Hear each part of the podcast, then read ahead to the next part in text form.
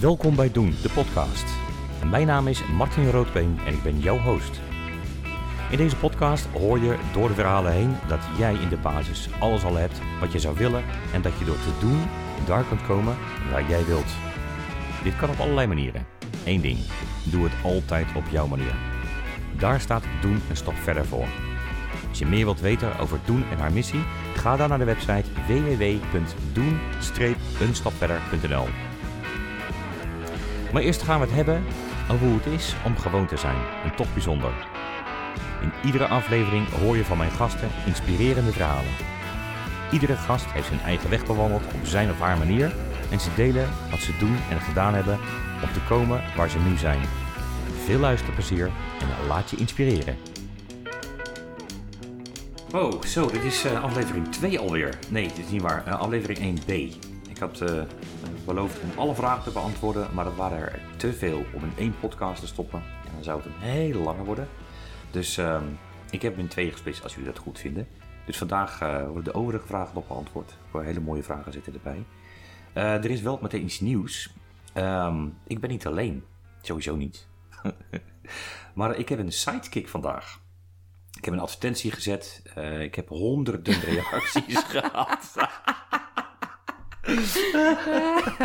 nee, gekkigheid. Nee, uh, Danielle is uh, mijn sidekick uh, vandaag. en misschien gaat ze het vaker doen als ze het leuk vindt. Ik vind het in ieder geval wel heel leuk. En nou, misschien is het voor de luisteraars leuk om even kort te vertellen wat je wil vertellen. Ja, nou ja, allereerst vind ik ook heel leuk dat ik uitgenodigd ben. Van al die honderd deelnemers die geprobeerd hebben jouw sidekick te zijn, ben ik er. dus dat vind ik wel heel erg leuk. En uh, nou, mijn naam is Danielle, Danielle Fase. En uh, ik ben de partner van Martin. En nou, je vroeg net wat ik deed eigenlijk in het dagelijks leven. Ik sta vijf dagen voor de klas in een kleutergroep, groep 1-2. En dat is natuurlijk ontzettend leuk. Het allermooiste van mijn werk vind ik eigenlijk dat ik een onderdeel mag zijn en kan zijn in de ontwikkeling van een kind. En uh, ik ben een gevoelsmens, dus ik doe eigenlijk alles het liefst op gevoel, dus ook onderwijs. Ja, dat is zo mooi als je dat mee kunt maken en uh, als je ziet wat dat doet met een kind. Wat, wat ik kan betekenen voor een kind, is dat eigenlijk heel erg mooi, uh, mooi werk om te doen. Ja. Ja, hart voor onderwijs, hart met een T, hè, dat, dat hartje, dat is er zeker. Uh, maar het is ook hard werken met een D. En, en, dat is niet erg, want dat hoort gewoon bij het werk. Ja. Uh, maar wat wel een beetje jammer is, is dat ik daardoor uh, mijn creativiteit een beetje kwijt ben geraakt in de loop der tijd. En ik weet dat ik het in me heb. Het is een kwaliteit van mij. Maar ik kan hem eventjes niet vinden.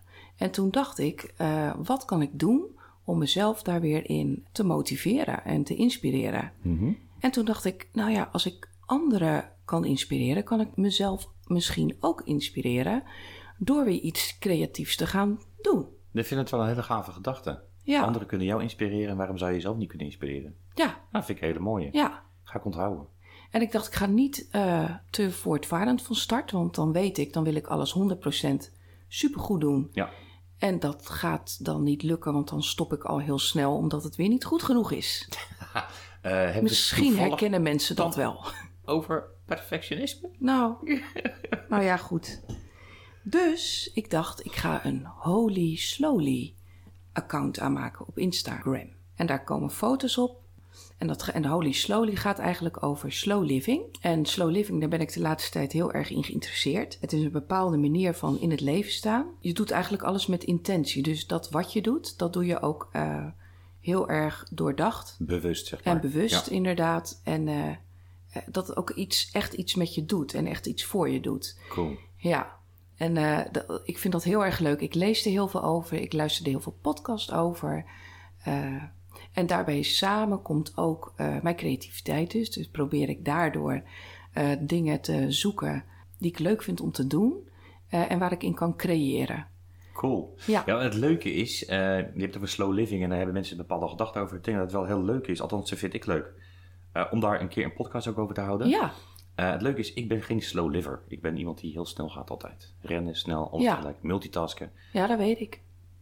Het is niet verleden tijd, maar een groot deel wel. Mede omdat jij daar je, je daar echt mee bezighoudt. En ik dacht van ja, kom op, een beetje slow liver, doei. Maar het is, los van dat het interessant is, het levert veel op. Maar Ja. daar, gaan we het, daar gaan we het absoluut wel over hebben. Ja, Van daar kun je eh, gewoon een hele podcast o- Ja. Over eh, maken. Lijkt mij een leuk idee. Leuk, dat Die- gaan we doen. Die staat. Ja, Deal. Hartstikke gaaf. Ja, jij zei eh, podcast. Ehm, Ja. Wat voor soort podcast moet ik aan denken? Niet die van mij, hoop ik. Ja, ik heb die van jou. Luister ik ook. ja, joke. ja. Ja, maar welke podcast luister je allemaal? Nou, ik heb eh, eigenlijk volg ik echt al best wel een jaar lang, denk ik, de minimalists. Oh ja. Want ook dat vind ik interessant. Ja. Naast slow living vind ik het minimalisme ook een, ja, echt een heel interessante manier van, eh, eh, van leven. Een Nou, kijk op het leven. Misschien is het ook leuk om hierbij te zeggen. Ook dit is een. een, een het, het gave is, er komen onderwerpen in de podcasts voorbij. Ook volgende week maandag met, met Erika. Maar je haalt nu het minimalisme aan. Ja. Het is iets waar mensen een heel eh, stellig beeld van hebben. Ja. Ook hierin Nou ja. had ik een beeld. Ik ook. En dat zijn echt geen, geen geitenwolle sokken, witte muren Zeker niet. Nee. Ja. Oké, minimalist, podcast. Ik hoorde jou pas praten over Porte René. Ja, dat is echt een leuke podcast. Ja. Ja, die zou ik iedereen willen aanraden. Gaaf. Ja, Ja, eh, Bertolt Gunster. Ontdek, Ja. die ken je ook. Die is fantastisch. De psychologie van succes podcast. Ja, er zijn er zoveel. leuk hè, ja, podcast. zeker. Wil je, wil je de eerste vraag Ik, hebben? kom maar, kom ja. maar. Ja. nou de eerste vraag is van Karima. En misschien kun jij vertellen wie Ja. Karima is? Ja, ik- Karima ken ik eh, vanuit een training. Ze was een, eh, een hele gedreven dame die ik eh, in een aantal weken eh, mee heb gemaakt in de training. Daar, daar ken ik haar van. Als het goed is, eh, heb ik haar een zetje gegeven richting eh, een nieuwe job. En eh, zij stuurde mij inderdaad via de app eh, een vraag. Ja, En welke vraag was dat? dat is Hoi Martin. Mijn vraag aan jou is: wat zijn de dingen die jou inspireren? Jij vraagt wat zijn de dingen. Daar zijn echt dingen die mij inspireren, maar vooral mensen. En de mensen die me inspireren, jij bent er ook een van. Eh, ik weet niet of je het nog weet in de training toen jij jouw verhaal vertelde wat je deed, eh, wat anderen niet wisten, eh, vanuit je stichting. En die kwam bij mij, maar ook bijvoorbeeld bij Marijn en bij jouw collega's, zo ongelooflijk sterk en krachtig over. Dat inspireerde mij heel erg. Dus mensen inspireren mij. Eh, je hoort Danielle, nou, Danielle inspireert mij ook. Eh, ze vertelde over slow living en minimalisme. Ehm, ze is vegetariër. Het zijn allemaal dingen die mij inspireren om onder andere na te denken over hoe sta ik in het leven en hoe kan je er anders mee omgaan. En de dingen die mij inspireren kunnen vaak beelden zijn. Eh, ik ben geen museumtype, zeg maar, maar ik kan zeker wel getroffen worden door bepaalde beelden. Eh, Daniel, jij bent heel erg van eh, foto, tentoonstellingen en dergelijke. Ja, dus mensen, beeld, eh, bijvoorbeeld foto's Ja. en, en muziek. Ja. Ja. En waar we het net over hebben, podcasts. Ja, Oh, ik heb pff, eh, veel podcasts geluisterd, ja. Ik hoop dat hiermee eh, jouw vraag eh, beantwoord is.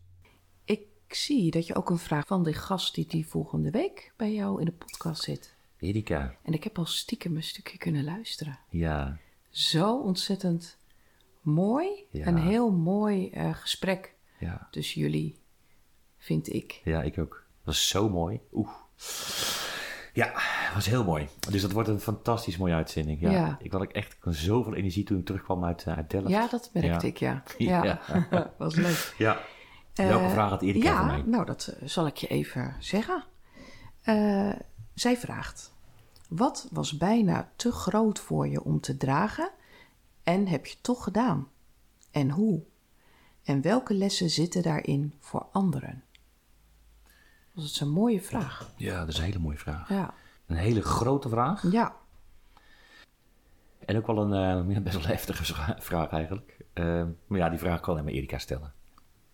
dat denk ik ook inmiddels. Wat was bijna te groot voor mij om te dragen, heb ik toch gedaan. Ik, ik, ehm, als ik erover nadenk, eh, en ik, ik heb er eerder wel over nagedacht, eh, maar ik kom toch weer bij hetzelfde uit, is ehm, eh, rondom het overlijden en begrafenis van mijn vader. Hè, zoals jij weet, Erika, was de band met mijn vader eh, niet bijzonder. Ik had eigenlijk ja, in mijn beleving geen band, of bijna geen band. Eh, ouders heel lang geleden gescheiden. Vader heel lang niet gezien. Uiteindelijk door mijn broer heel fijn weer contact gekregen met eh, het gezin. Ehm, en ik was weer een klein beetje het onderdeel van een gezin, wat ik toen fijn vond. Eh, maar uiteindelijk is het ja, contact gewoon een soort van verwaterd. En ik had geen standaardband eh vader-zoon. Ik zag hem wel af en toe en uiteindelijk werd hij gediagnosticeerd met ALS. Ehm, een rotziekte, eh, waarbij uiteindelijk hem helemaal uitvalt. En ik had een laatste gesprek een aantal weken voor zijn overlijden. Het was gewoon geen heel fijn gesprek. Eh, het was een beetje een vermanend gesprek. Ik joh, weet je, pa, ga je lekker fietsen? Dat dacht ik echt. Ja, weet je, uh, je zit een beetje ziek te zijn hier en je gaat mij nu nog steeds les lezen. Uh, ik was net niet boos hoor, maar het, zat, het neigde er wel naar. En toen was hij ineens binnen no time overleden. En ik zat te eten en mijn zus belde. Mart, je vader gaat overlijden, kom maar zo snel mogelijk. Hij woonde in Zeeland en ik woonde toen in Rotterdam. En uh, ik was een speer naar Zeeland en halverwege werd ik al gebeld dat uh, mijn vader overleden was. En het eerste moment van het zware soort van dragen was, uh, was niet dat ik werd overvallen door verdriet van mijn vader is overleden. Maar ik werd overvallen door het verdriet dat ik zo alleen was. Mijn halfzusjes waren er, mijn broers waren er, um, mijn, mijn halfzwagers, hoe moet ik het zeggen. En mijn eigen zus, mijn Ike, was er. En die stond ook meteen voor me klaar. Maar ik voelde me zo dood eenzaam toen dacht ik, oh my, hoe gaat deze komende dagen, hoe ga ik dat uh, overleven? Um, terug naar huis gereden, een beetje dubbel. Na de dagen daarna met de voorbereidingen werd ik elke keer weer gewezen op het feit dat ik gescheiden was, dat ik een vriendin had. En dat paste niet in de, de kerk, want mijn vader kerkte nog in de, uh, zeg maar aan, de, aan de, de zwaardere kant. Uh, verder prima, bedoel, daar kom ik ook vandaan. Uh, maar ja, daar werd wel een, iets van gevonden binnen het gezin breed. En um, ja, uiteindelijk werd er gezegd, nou ja, weet je, Martin, je moet alleen komen. Je vriend mag niet mee, ook niet in de kerk komen. En je moet alleen doen. En dat vond ik lastig, want ik wilde niet alleen zijn, want ik voelde me niet gewoon op mijn plek eh, in, in, in het gezin daar. Het was niet thuis. Het zwaarste was condoleren. Lange rij met mensen. Heel veel mensen kwamen langs. Iedereen gaf iedereen een handje, wenste, uh, wenste het beste. En Martin stond bijna aan het eind en werd 9 van de 10 keer overgeslagen. En sta je daar als kind van je vader en niemand kent je. Mensen slaan je over. Uh, toen ben ik weggelopen. Iemand anders heeft me teruggehaald. Ik, ik ga daar toch weer staan. Voor ook hè, bijvoorbeeld mijn zus, mijn Ike. Want die, heel veel mensen kennen mijn zus wel. Ik had zoiets van, nou, ik ga er toch staan voor onder andere mijn Ike, maar ook mijn broer. Ook al zien mensen mij dan niet staan, en dat was de story of my life in mijn beleving.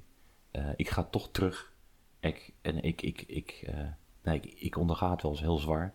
Maar het voelde echt heel heftig. Gewoon staan met heel veel mensen die allemaal een bepaalde betuiging gaven uh, met de beste bedoelingen. En je vader staat een eindje verder opgebaard. Er gebeurt van alles. Je bent één, een vreemde. Maar je bent wel het kind van je vader. En je bestaat eigenlijk niet. Dat was heel zwaar. En toen dacht ik, uh, begrafenis ga ik niet heen. Maar dat durfde ik niet natuurlijk. Dus ik ben toch in die begrafenis gegaan. En toen had ik een, uh, een speciale blouse aangedaan. En dat paste natuurlijk weer niet in de kleur van de kerk. En dat kreeg ik ook nog even terug. En toen was het laatste moment dat ik dacht van dit wil ik nooit meer meemaken. En ik haak nu af. Was de, de wandeling van de kerk naar de begravenplaats. Het is het dorp, dus daar wandelen ze uh, als het gaat over begraven. En ik liep daar ergens in het midden. En ik liep helemaal alleen. En ik voelde me toen zo, ja, desolaat zeggen ze wel eens. Ik voelde me zo ontzettend verlaten. Ik voelde me zo alleen. En ik dacht echt, ik sniep die rij uit en ik ga naar huis.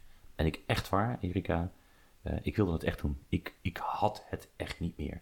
En het was zo, uh, zo sterk dat mijn Ike kwam naar mij toe. Die sloeg haar arm om me heen en die duwde ik weg. Mijn zus, die ontzettend van me hield toen en houdt van mij en andersom ook. Die duwde ik keihard weg.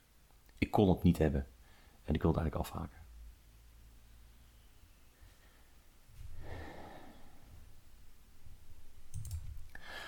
Um, ja, die kwam even behoorlijk aan. Um, en welke lessen zitten erin voor anderen?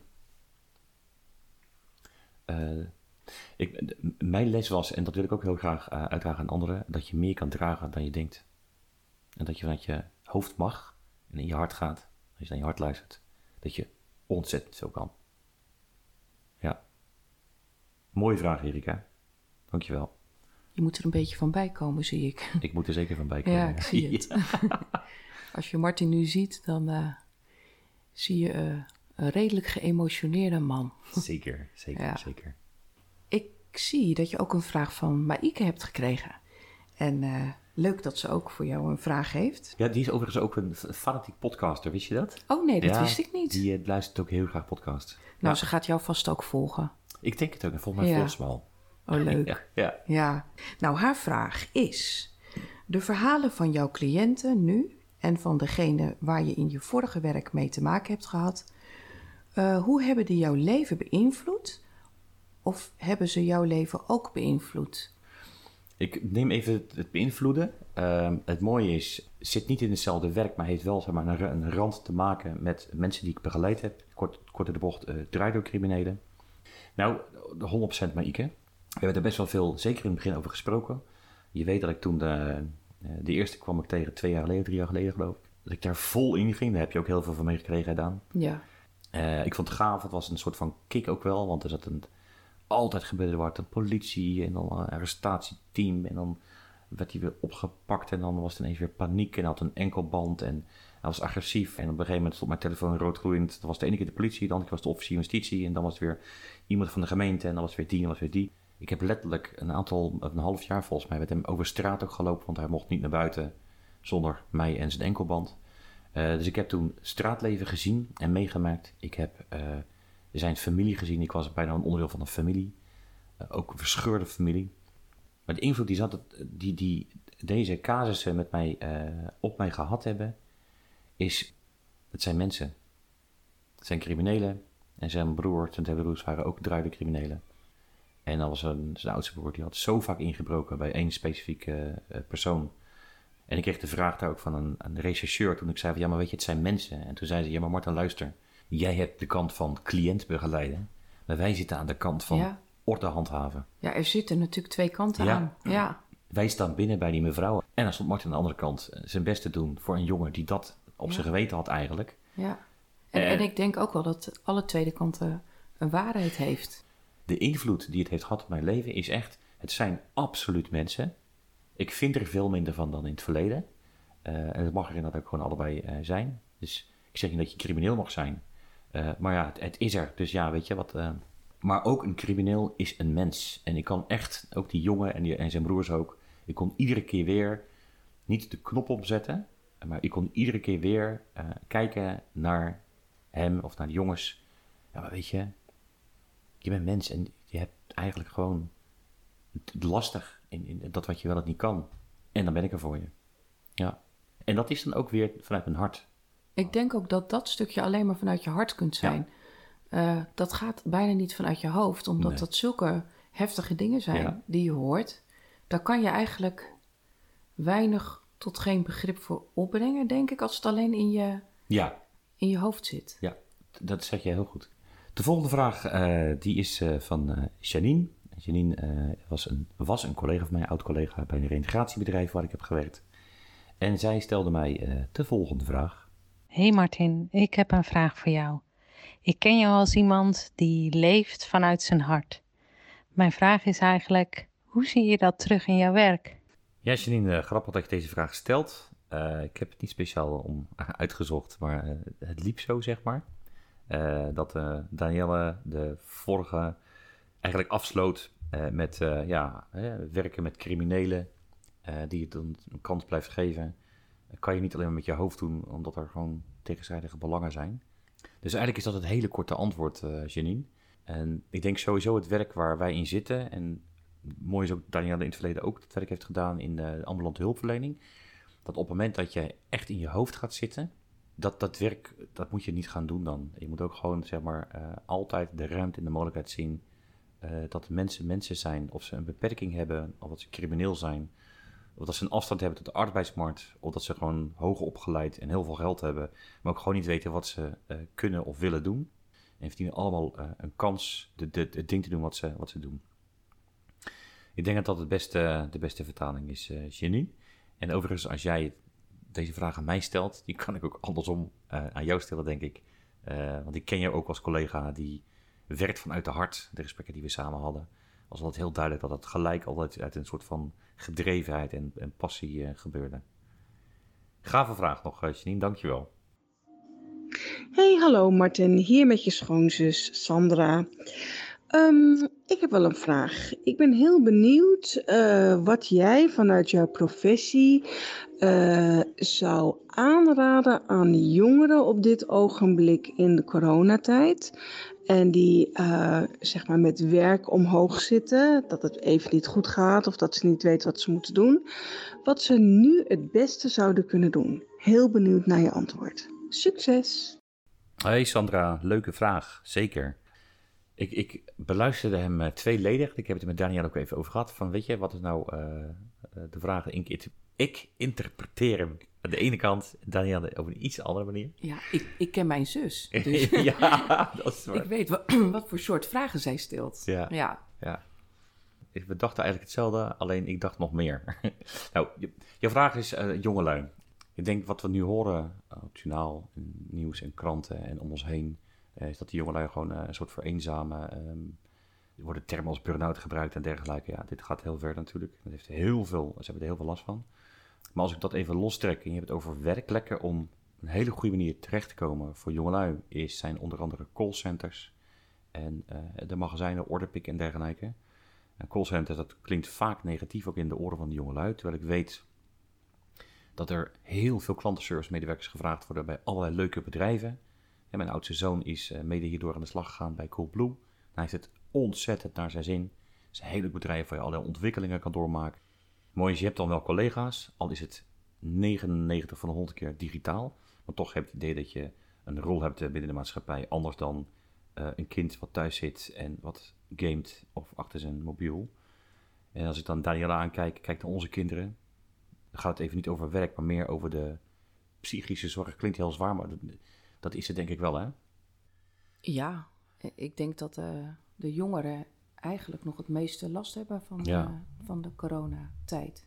Ja, want ik vind, ja, ik Zij vind het hebben erg. heel veel behoefte Ja. aan eh, elkaar opzoeken. En, want dat past ook heel erg eh, eh, binnen hun leeftijdscategorie, denk ik. Je, Ja, ja, je gaat daar mensen ontmoeten. En Ja. Veel mensen wil je heel graag zien als Ja. jongere. En dat kan dan nu niet.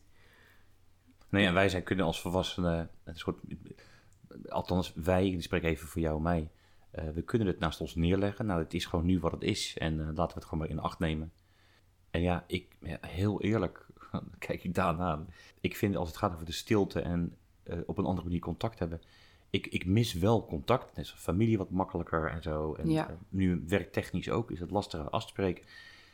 Maar ik mis het minder. Het is rustig op straat. In de stad is het rustiger. Het is veel minder gejaagd ook. Ja, je gaat bewuster leven, vind ik. Ja, eigenlijk Ja. zitten we gewoon in een slow living tijd. Ja, Ja. het moedigt slow living aan. Dat denk ik zeker. wel. Maar voor jongeren snap ik heel goed eh, dat dat anders werkt. En, eh, en dat zij daar echt wel last van hebben. Nou ja, pas toen Luc thuis kwam, weet je het nog, twee, twee weken geleden of zo. Ja, die ging ontzettend veel praten. Die stopte niet. En toen zei hij eh, daarna ook van... eh, ja, ik heb vandaag gewoon heel de dag niks gezegd. Ja. Ik, eh, Ja, ik zit online, ben ik mijn lessen aan het, aan het volgen. En er wordt bijna niks gevraagd van Nee. je dan alleen maar te luisteren. passief. Ja, Maar ja, vraag Sandra. Ja, zorgen, wij maken het een stukje dichtbij ook mee. En gelukkig zijn onze kids al behoorlijk weerbaar ehm, als het daarover gaat. En hebben ze eh, twee thuizen, waarbij het allebei goed is. En hebben ze toch nog wel af en toe contact met vriendjes. Maar het hele schoolgebeuren en de interactie die ze missen, dat, eh, dat vreet echt aan ze. Ja, en welke, we- wat, wat, adviseer je ze? Nou, wat ik zelf eh, bedenk, Sandra, en wat ik ook wel doe, is het live contact houden. En live bedoel ik mee, in plaats van een appje te sturen of een positief berichtje op ehm, de social media, is het vaak eh, bellen. En de jongelui die de ruimte hebben om zich te verplaatsen en misschien nog wat vrienden en kennissen hebben of familie of eh, toch momenten overdag de ruimte zoeken om andere mensen op te zoeken binnen alle mogelijkheden die er zijn. Maar ik denk dat bellen, gewoon even een heel kort belletje, en het hoeft geen uur te zijn, maar gewoon even heel kort vragen hoe is het met je, luisteren hoe het met ze gaat, eh, dat is denk ik wel een heel belangrijk onderdeel. Wat denk jij dan? ik denk het ook wel. Ja? Want eigenlijk is het voorbeeld wat je aanhaalt van Luc, die komt binnen, die gaat praten en wij luisteren. En wij hebben dan nog interactie, want dan kunnen we een geintje maken en zo. En dan is het jouw kind en het is ons gezin, we waren met z'n drie op dat moment. Maar dat kan ook voor andere jongelui. Ja. Het is wel een lastige kwestie hoor, eh, Sandra, maar dat, dat is wel hoe ik erin sta. En ja, ik zoek er ook in de ruimte om, eh, als ik denk of aanvoel van nou, diegene heeft gewoon eventjes een momentje van aandacht nodig, dan, eh, dan geef ik die ook. Eigenlijk dus een kwestie van eh, aandacht geven op de momenten waarop het kan. Ja, Hey Martin, met Irene. Ik uh, was helemaal enthousiast toen ik jouw podcast uh, hoorde. Ik vond ook dat je het echt heel leuk deed met al die uh, vragen van mensen die je beantwoordde, zodat mensen je wat beter kunnen leren kennen. nou kennen wij elkaar al als collega's van Sterker Werkt met een hele leuke um, barbecue van het werk hebben wij een heel leuk gesprek gehad. En het viel me gelijk al op hoe oprecht jij was. Uh, oprecht geïnteresseerd, warme persoonlijkheid. Ook echt zoeken naar de verbinding in het gesprek. En ik voelde gelijk al dat wij een klik uh, hadden samen. En ja, toen ik hoorde dat jij begonnen was als zelfstandig ondernemer, werd ik daar heel erg enthousiast van. Uh, nou ben ik ook vorig jaar gestart als zelfstandig ondernemer, als coach en loopbaancoach en lifestyle coach. En ik ben ook op zoek gegaan naar mijn um, freak factor, dus waarin ik het verschil kan, uh, kan maken. Uh, maar ik vroeg me dus eventjes af, wat is jouw gedachte over de pandemie en jouw rol als coach daarin? Wat denk jij wat het meest belangrijk gaat worden in jouw coach uh, sessies en wat ga jij nu anders doen? Ik hoor heel graag van jou je antwoord. Groetjes. Hey Irene, wat leuk dat jij een vraag instuurt we hebben weinig met elkaar gewerkt, maar we hadden inderdaad wel de klik. Het leuke is, uh, ik ben ook voor jezelf begonnen en ik, toen ik het zag, vond ik wel heel erg leuk. Dat je gecertificeerd Happy at Work coach bent. Uh, past ook wel bij jou, uh, zeker in de manier waarop je erin staat. Ik vind het een hele gave vraag. Moet ik zeggen dat ik er nooit heel bewust over na heb gedacht, maar uh, gedurende het werk en de dagen en de contacten die je hebt, gaat het automatisch door mijn hoofd. Veranderende maatschappij, veranderende wereld, veranderende kijk op het geheel om ons heen. Als we het hebben over veiligheid en bewustwording. En hoe dat in mijn werk uh, zou gaan uh, vertalen. Irene, je had ook uh, Holy Slowly van Danielle, volg jij nu. Ehm, als je een stapje terug doet en je kijkt naar Holy Slowly en doe een stap verder. Dat is eigenlijk hoe, hoe ik het doe. Danielle heeft dan geen bedrijf, ze doet het echt hobbymatig. maar dat is wel een beetje hoe ik erin zit ik ben geen slow liver, ik ben geen vegetariër, veganist, geen, uh, maar ik word er wel door geïnspireerd en wat er om ons heen gebeurt prikkelt me wel, inspireert me wel. Dus hoe kijk naar mijn omgeving, het leven, de maatschappij om mij, dat is echt dit, dit stukje. En noem het minimalistisch, noem het duurzaam, noem het slow living, noem het uh, bewust. Dat is hoe ik er naar kijk en dat zet ik in op mijn werk eigenlijk op dezelfde manier. Uh, het is niet zo dat ik, men dat ik een gesprek heb, dat ik heel erg het ga hebben over de wereld is heel veranderd, dus eh, pas maar op, je moet het anders gaan doen. Uh, maar ik stel wel de vragen erover, dus mijn vragen zijn wel anders. Als mensen zeggen, ja, maar het is lastig om aan het werk te komen. Ja, klopt. Maar heb je wel eens nagedacht over, nou ja, en dan kan je een hele open vraag stellen. Mensen hebben een verwachting van inkomen, een verwachting van carrière. Dat zijn allemaal stukken die echt totaal zijn veranderd en gaan veranderen en blijven veranderen. En dat denk ik dat je dat ook wel weet. De kunst van ons is, uh, Irene, om nu anders te gaan kijken vanuit een ander beeld in de maatschappij gaan kijken naar de mensen die op zoek zijn uh, naar een volgende stap in een loopbaan of een eerste stap in een loopbaan. Dus het is echt uit een totaal andere hoek in gesprek gaan met mensen. En ik neem gewoon stiekem, het, noem het even slow living, uh, neem ik mee. Want ik had gisteren ook een gesprek met een dame die, eh, die wilde hulp bij een stukje presenteren. Ik wist dat ze een, een, fanatieke theedrinker is. nou, Danielle is gek op kruidentheeën en nou, hoe grappig. Verbaas je niet misschien, maar ik inmiddels ook.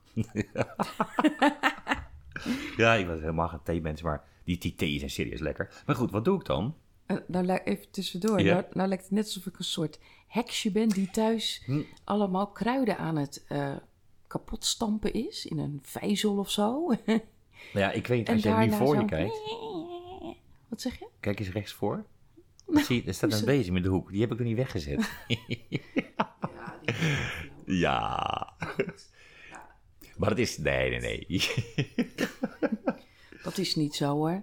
Nee. Ik ben gewoon heel erg uh, aards eigenlijk. Heel erg, ja, inderdaad. En nuchter. Ook, ja. En uh, mag ze zelf kiezen. Dus ik zet een, een, potje met thee en dat wordt dan warm gehouden door een kaartje. En dan uh, is het zelf thee scheppen in een buideltje. Hang het in het potje, schenk het zelf in. Uh, en dit gaat niet over de pandemie, maar het gaat echt over uh, één, iemand op zijn gemak stellen. Twee, ja, door lekker bewust een kopje thee zitten. En niet een waterkoker aanklikken. In een glas gieten met één zakje thee. Nee, het is water koken met een waterkoker. Um, Zelf je thee kiezen, zelf inschenken, zelf... Nou, dat is dus eigenlijk hoe ik het gebruik. Het is anders, het gaat anders. Er is een soort van vertraging en andere bewustwording. Uh, en zo zet ik het nu in beginsel in, uh, Idene. Ik vind het een leuke vraag. En ik denk dat we zeker op korte termijn uh, hier ook nog eens een keer over kunnen, kunnen gaan praten. Hey Mart, um, leuk wat je gaat doen. En ik moest ook even nadenken van ja, uh, wat wil ik dan aan je vragen? En toen moest ik terugdenken aan het feit dat wij eigenlijk elkaar al best wel heel lang kennen. Zakelijk en privé veel van elkaar weten, veel van elkaar gezien hebben en ook veel van elkaar gehoord hebben. En ehm, ik weet dat je zowel zakelijk en privé pieken hebt gekend, maar ook zeker wel dalen. En waar ik dan eigenlijk wel nieuwsgierig naar ben.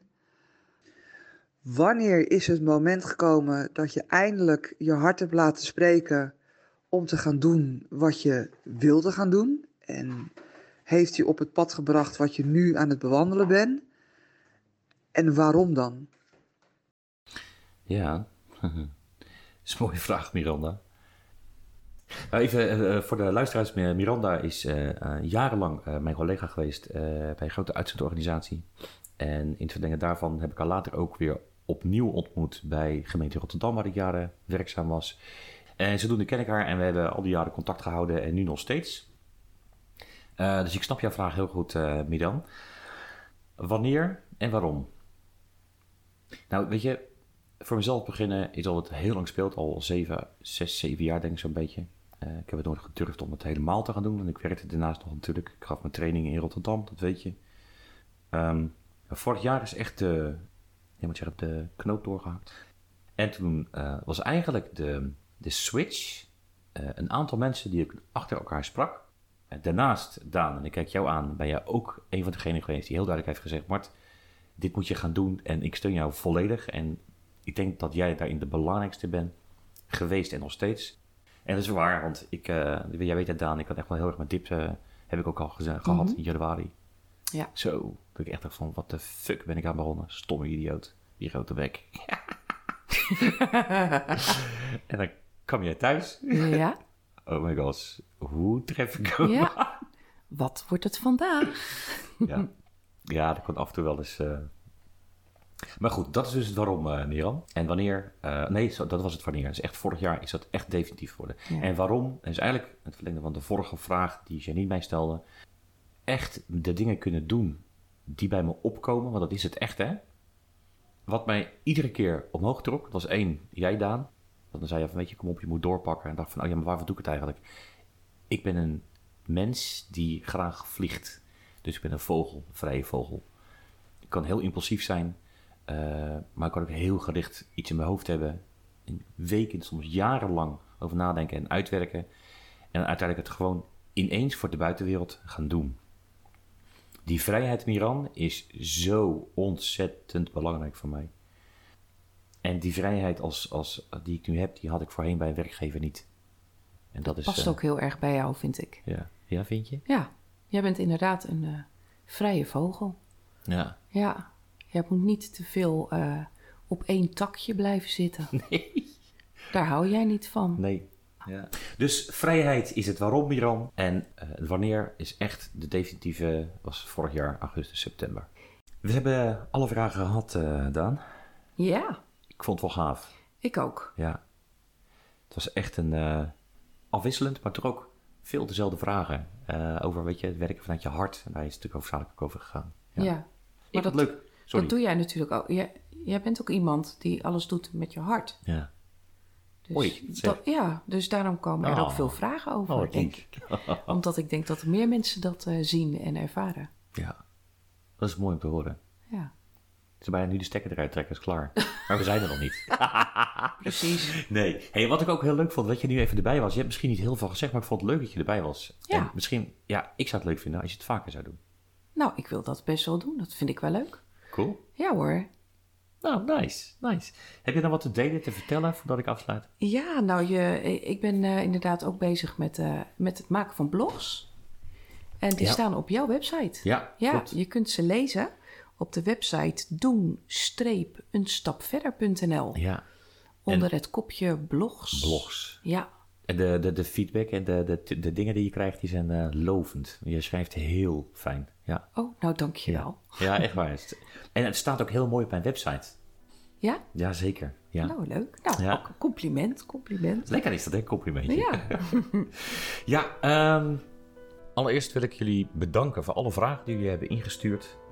Ehm, misschien ga ik dat vaker doen. Ik vind het zelf wel heel erg leuk. En ik vind het gewoon gaaf dat jullie ook gewoon een onderdeel kunnen zijn van de podcast zelf. Ehm, het heeft me geïnspireerd en geprikkeld. Mooi is, vandaag hadden we het eh, over ehm, leven en werken vanuit je hart. En dan kijk ik naar de overkant, dus ik Danielle zitten. En iedere dag krijg ik het mee dat ook zij uit het hart werkt en leeft. Heel mooi. Dus die vragen hadden ook aan haar gesteld kunnen worden. Op de achtergrond hoor je het nummer van Metallica, Nothing Else Matters. Dat is een nummer wat mij heel lang al inspireert. Vroeger op een andere manier. Vroeger was het Nothing Else Matters. Het boeit me niet. Het, het, kan me echt geen moer schelen. Maar als je naar de tekst luistert. So close, no matter how far. Couldn't be much more from the heart. Forever trusting who we are and nothing else matters. En als ik hem vertaal naar nu, dan zit hij toch wel iets anders in elkaar. Het is zo dichtbij, hoe ver het ook is. Het kan niet meer vanuit mijn hart zijn dat ik nu doe. Ik heb vertrouwen in wie ik ben en mag zijn. Ik heb mezelf nog nooit zo geopend dan nu. Het leven is van ons en we leven het op onze manier. Al deze woorden zeg ik niet zomaar. En verder is er niets wat ertoe doet. Nothing else matters.